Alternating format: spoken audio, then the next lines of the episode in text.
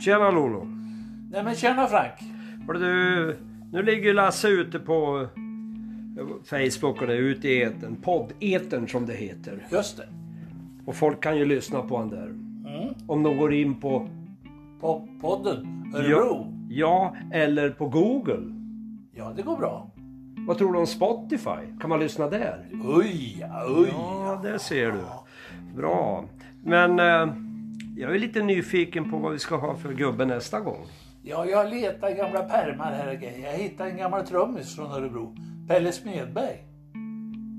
Var han trummis? Han jobbar ju på musikaffär. Vad heter det? Hagströms här i Örebro? Var det inte det? Jo, det gjorde han sen. Men Jaha. han har lirat... Sen har han lirat med Rock-Olga. ja. Åh fy fan. Ja, ja, ja. ja. Jag sa. Eh, det låter ju jävligt intressant. Då. Men, berätta mer om det. Jo, de, eh, de gjorde ju en turné på alla fritidsgårdar här i Örebro. Med Jaha. Rock-Olga. Ja, ja, ja. Vilket år vet jag inte riktigt, men så kan det ha varit 64 eller någonting. 65. Jaha, jag tänkte ju gissa på 40-tal ja, men det Ja. var kanske lite tidigt. Ja, det var det.